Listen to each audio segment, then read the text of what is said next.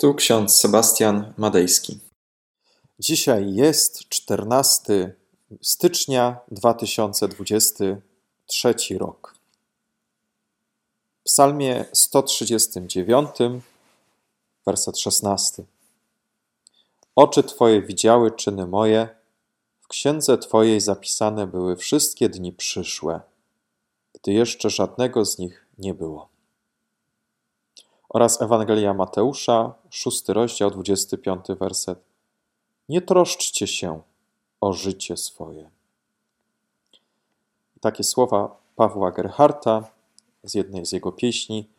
Ty, zanim sam zrodziłem się, oddałeś mi się w niebie. Na własność swą wybrałeś mnie, nim sam poznałem siebie. Nim ręką mi nadałeś kształt, wiedziałeś, jak mi Ciebie brak, więc chciałeś moim zostać. Drodzy, te fragmenty z Pisma Świętego, a także cytat z jednej z pieśni Pawła Gerharta przypomniały mi o jego życiu. Pozwólcie, że i ja przypomnę jego krótki biogram, a także pewne wnioski płynące z jego działalności. Paweł Gerhard urodził się w małym miasteczku między Halle a Wittenbergą w 1607 roku. Jego rodzice zmarli, gdy był jeszcze nastolatkiem. Na domiar złego miasto, w którym mieściła się jego szkoła, nawiedziła epidemia. Młody Paweł Gerhard, pomimo przeciwności losu, ukończył szkołę i zapisał się na teologię na Uniwersytet w Wittenberdze. Tam szczególnie wywarli na niego wpływ dwaj nauczyciele, Paul Rüber i Jakob Martini. Obaj byli zagorzałymi luteranami, promującymi nauki luterańskie nie tylko w klasie, ale także w kazaniach i w hymnach. W szczególności Rüber często czerpał teksty kazań z hymnów. W ten sposób Gerhard został nauczony używania muzyki jako narzędzia duszpasterstwa ale i też nauczania. Gerhard ukończył studia na uniwersytecie i wydaje się, że z powodu kłopotów wojny trzydziestoletniej nie został od razu ordynowany na księdza, dlatego przenoś, przeniósł się do Berlina, gdzie pracował jako guwerner. Podczas pobytu w Berlinie jego hymny i wiersze zwróciły na niego uwagę Johanna Krugera, który był kantorem i organistą w berlińskim kościele świętego Mikołaja.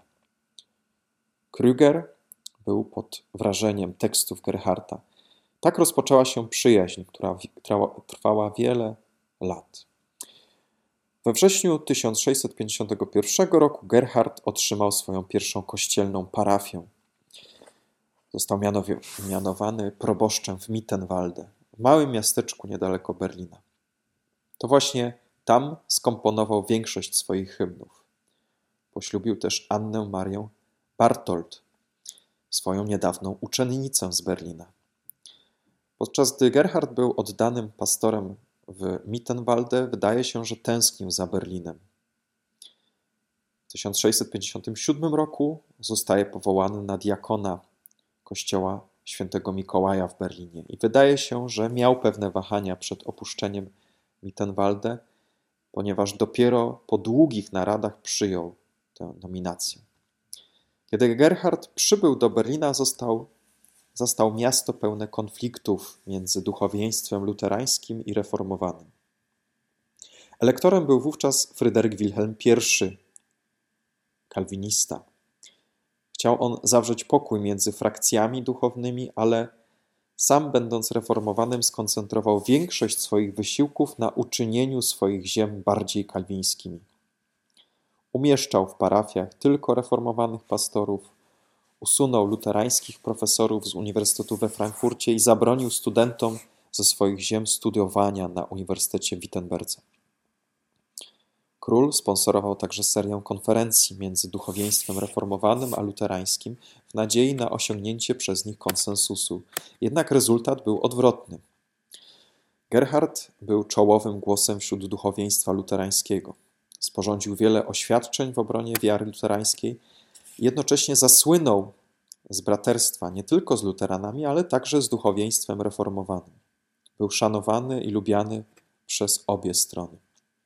Jego kazania i pisma były tak wolne od kontrowersji, że wielu reformowanych uczestniczyło w jego nabożeństwach, a żona elektora, Luisa Henrietta, była wielką wielbicielką Gerharta oraz jego hymnów. Elektor był coraz bardziej zniecierpliwiony brakiem porozumienia między luteranami i reformowanymi. W końcu postanowił położyć temu kres i w 1664 roku opublikował edykt synkretyczny. Ponieważ edykt odrzucał formułę zgody, jedno z luterańskich wyznań zawartych w Księdze Zgody, wielu duchownych luterańskich musiało opuścić Berlin. W ten sposób Gerhard został usunięty ze stanowiska. Mieszkańcy Berlina zwrócili się z prośbą o przywrócenie go. Dzięki ich wielokrotnym prośbom zrobiono wyjątek od edyktu dla Pawła Gerharta. Jednak jego sumienie nie pozwalało, nie pozwalało mu zachować stanowiska proboszcza w Berlinie. Paweł Gerhard przez ponad rok mieszkał w Berlinie bez stałego zatrudnienia. W tym czasie zmarła też jego żona, pozostawiona,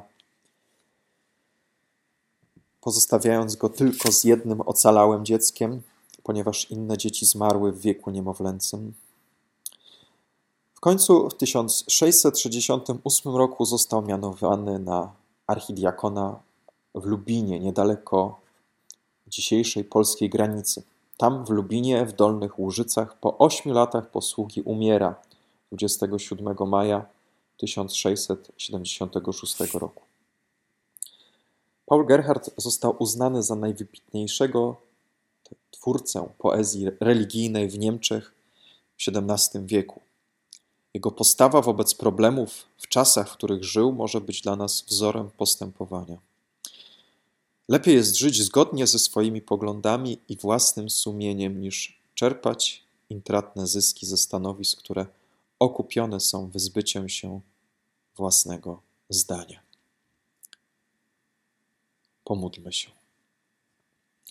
Wszechmogący Boże, dziękujemy Ci za kolejny dzień życia, za to, że się obudziliśmy, aby Cię chwalić pieśnią, słowem, modlitwą, czynem i całym naszym życiem. Spraw, Panie, przez moc Ducha Twego Świętego, abyśmy nie troszcząc się o sprawy tego świata, zawsze pokładali w Tobie ufność i nasze zatroskanie. Amen.